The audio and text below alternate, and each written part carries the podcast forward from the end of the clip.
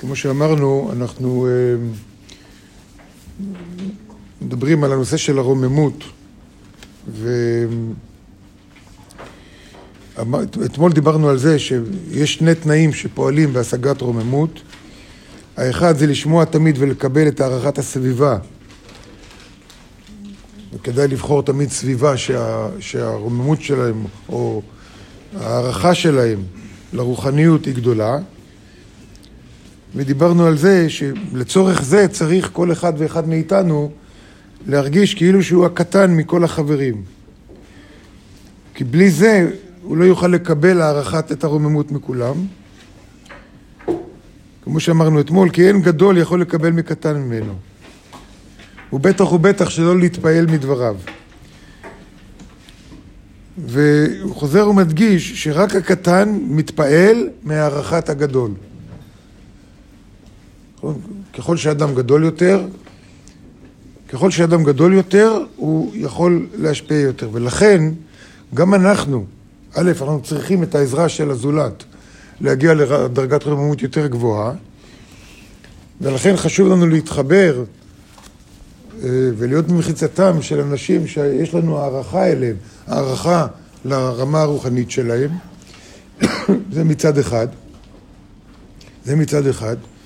מצד שני, אולי זה יסביר לנו מדוע חשוב לנו במרכז לקבלה שיהיו לנו תלמידים משפיענים. אני לא מדבר עכשיו על רוממות, כמו שיש לנו רוממות כלפי הרב, אבל למה חשוב שיהיו לנו תלמידים שהם משפיעים?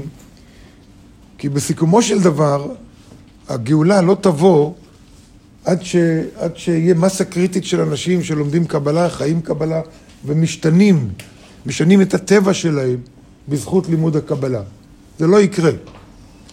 יש לנו, כל אחד ואחד מאיתנו, אינטרס אישי, אינטרס אישי שיבואו עוד, עוד מאות אלפים, עשרות אלפים ומאות אלפים תלמידים ללמוד קבלה. כי אם אנחנו חושבים שזה רק אנחנו שיושבים פה, נלמד קבלה, אז, אז זה תמיד יישאר כזה קטן ולא יקרה כלום, העולם לא ישתנה והסבל בעולם רק ימשיך ובסיכומו של דבר זה יהיה אחריות שלנו, יבואו אלינו, תראו, אתם לומדים קבלה, אתם יודעים מה זה, אלה שלא לומדים קבלה לא יודעים כלום. אז זה שוגג, אצלכם זה מזיד.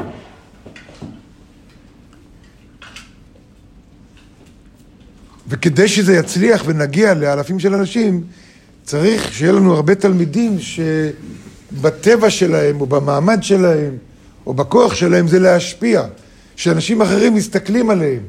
אפילו אם זה מעט אנשים, מסתכלים עליהם, יש להם רוממות עליהם. לכן חשוב לנו באמת לחבר למרכז כל בן אדם מצד אחד, אבל מאוד מאוד חשוב לחבר אנשים שמצד העבודה שלהם, מצד האישיות שלהם, מצד המעמד שלהם, כל מיני זוויות הם בעלי השפעה, הם בעלי השפעה. וזה האחריות שלנו.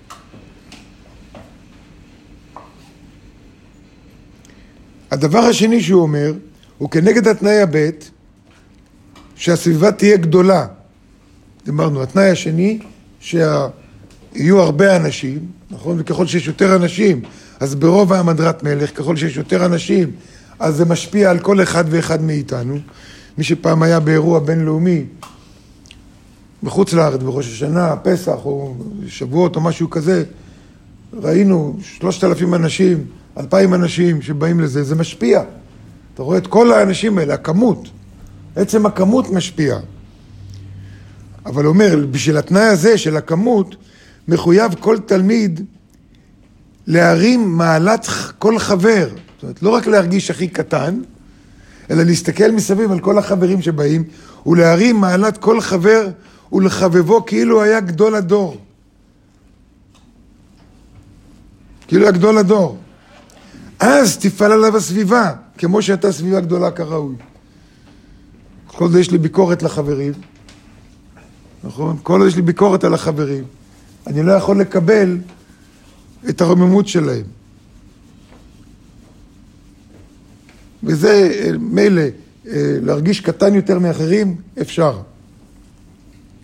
אבל להסתכל על אחרים וממש לעבוד על זה, להפוך אותם ליותר גדולים ממנו. ליותר גדולים. זה לא דבר פשוט. זה לא דבר פשוט. זאת העבודה שאנחנו צריכים לעשות. כמו שכותב הרב אשלג, כי ברוב בניין, כי ברוב בניין חשוב יותר מרוב מניין. כלומר, יש את העניין של כמות, אבל גם, גם האיכות, בזה שאני מעלה את כולם, אני בונה אותם בתור אנשים חשובים, מתייחס אליהם כמו אל אנשים חשובים. וגם משתדל להביא אנשים חשובים, שוב, אנשים חשובים במובן שיש להם איזושהי השפעה על הזולת, באיזושהי רמה. לכל אחד מאיתנו יש את זה, אבל ככל שנביא אנשים משפיענים יותר, ככה יהיה לנו יותר. אז זה העניין של הרוממות.